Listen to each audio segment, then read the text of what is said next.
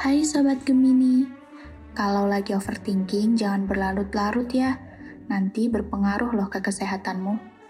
Nafsu makanmu juga perlu dijaga, mungkin dengan mengonsumsi suplemen penambah nafsu makan bisa membantumu.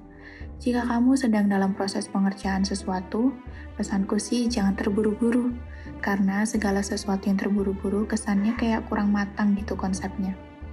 Pelan-pelan aja tapi pasti. Percintaan untuk Gemini Lovebird. Ada banyak waktu yang bisa dihabiskan bersama dengan pasangan. Manfaatkan waktu itu dengan baik. Jangan sibuk main HP jika sedang bersama dia. Kalau si dia juga lagi main HP, coba diingetin. Kalian kan lagi bareng-bareng. Alangkah lebih baiknya jika kalian memanfaatkan momen itu untuk menikmati quality time yang berkualitas bersama. Untuk sobat Gemini yang masih single, jangan GR jika ada yang bersikap baik denganmu. Bukan maksudnya untuk mendekatimu, tapi ya emang masih banyak aja orang yang baik di dunia ini.